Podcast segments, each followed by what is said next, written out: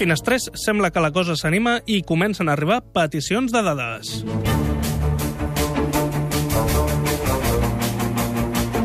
Com vaig prometre, aquesta setmana ens ocupem d'una d'aquelles cintes mítiques dels 80. Eh, no lo entiendo. Si solo lo abren en verano, ¿qué hace abierto en otoño? ¿Veis? No hay de qué asustarse. No son más que dos tíos que van a comer al desaudante. Sí, pero ¿y si no van a comer? ¿Y si son traficantes de drogas? ¿Traficantes de droga? ¡Una mierda! ¿No van vestidos? Un traficante no llevaría esa ropa de poliéster ni loco. 85, 86. Mikey, Mikey, Mikey.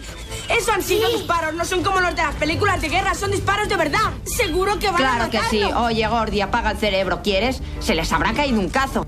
Els Goonies, de l'any 85, pel·lícula amb grup de noiets buscant aventures que tant es prodigaven en aquella època. Aquesta va ser de les més emblemàtiques, produïda per Spielberg i dirigida per un dels grans, Richard Donner, responsable de La Profecia, Superman, la saga Arma Letal i protagonitzada per uns joves, alguns d'ells consagrats avui en dia com Josh Brolin, altres que ho han aconseguit a mitges, com Sean Astin, i d'altres que van ser clarament víctimes de l'època, com Corey Feldman. Creieu-me si us dic que vaig arribar a gastar l'UVHS on tenia gravada aquesta pel·lícula i que, per tant, em fa una il·lusió especial dedicar-los als Goonies... La dada de la finestra. Looney, Looney.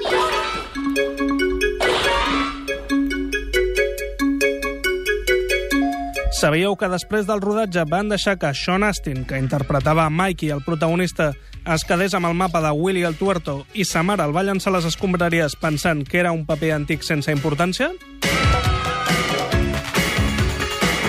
Aquest mapa va ser un disseny de Michael Riva. La nit abans de començar a rodar va pensar que semblava massa nou. El va atacar amb cafè i al no tenir pintura també amb la seva pròpia sang. El vaixell pirata de Willy el Tuerto va ser construït de veritat i totes les escenes es van rodar realment allà. A l'acabar el rodatge van oferir-lo a qualsevol que el pogués mantenir. No hi va haver cap voluntari, així que va ser destruït. Com podeu comprovar, la Trezzo no va tenir massa sort després del rodatge. Tot i que algunes peces van anar a parar al vaixell de l'atracció de Disneyland Pirates del Carib, ni més ni menys. No van deixar que els nens protagonistes veiessin el vaixell fins al moment de rodar, perquè les seves expressions fossin d'autèntic impacte. Però l'impacte va ser tan gran que un d'ells va deixar anar una paraulota, de manera que van haver de rodar l'escena de nou. Més parts que van ser repartides. El director Richard Donner va quedar-se al cap de Willy el Tuerto com a record. El cap estava fet d'autèntic os humà. El 7 de juny és oficialment el Dia dels Goonies. Així ho va proclamar l'alcalde d'Astòria, la població on es va rodar, durant la celebració del seu 25è aniversari el 2010.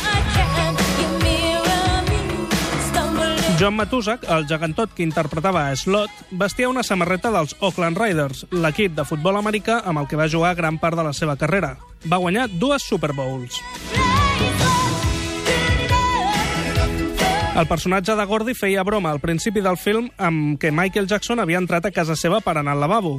A la vida real, un altre dels actors, Corey Feldman, que interpretava a Bocazas, era amic íntim del cantant fins que es van discutir. Tot i així, el va anar al seu funeral quan va morir el 2009. De fet, durant el rodatge, Spielberg va enviar els joves protagonistes a l'estadi dels Dodgers sense que sapiguessin que anaven a un concert de Michael Jackson. El rostre de l'explorador Chester Copperpot, que apareixia en un retall de diari al principi del film, era de l'actor Kenan Wynn, que havia aparegut a films com Teléfono Rojo o La carrera del siglo. Hi ha un moment en què el xèrif del poble menciona unes bestioles que es multipliquen amb l'aigua. És una referència a un altre film produït per Spielberg, Els Gremlins. I a la part final del film, Slot vesteix una samarreta de Superman. Richard Donner havia dirigit el film original al 78. Molts dels familiars que apareixen a l'escena final de la platja són realment familiars dels joves protagonistes i un dels policies que arriba amb un quad per la sorra és el propi director, Richard Donner. La novel·lització del film va confirmar que els pares de Gordy acaben adoptant Slot i li munten un bar mitzvah i tot.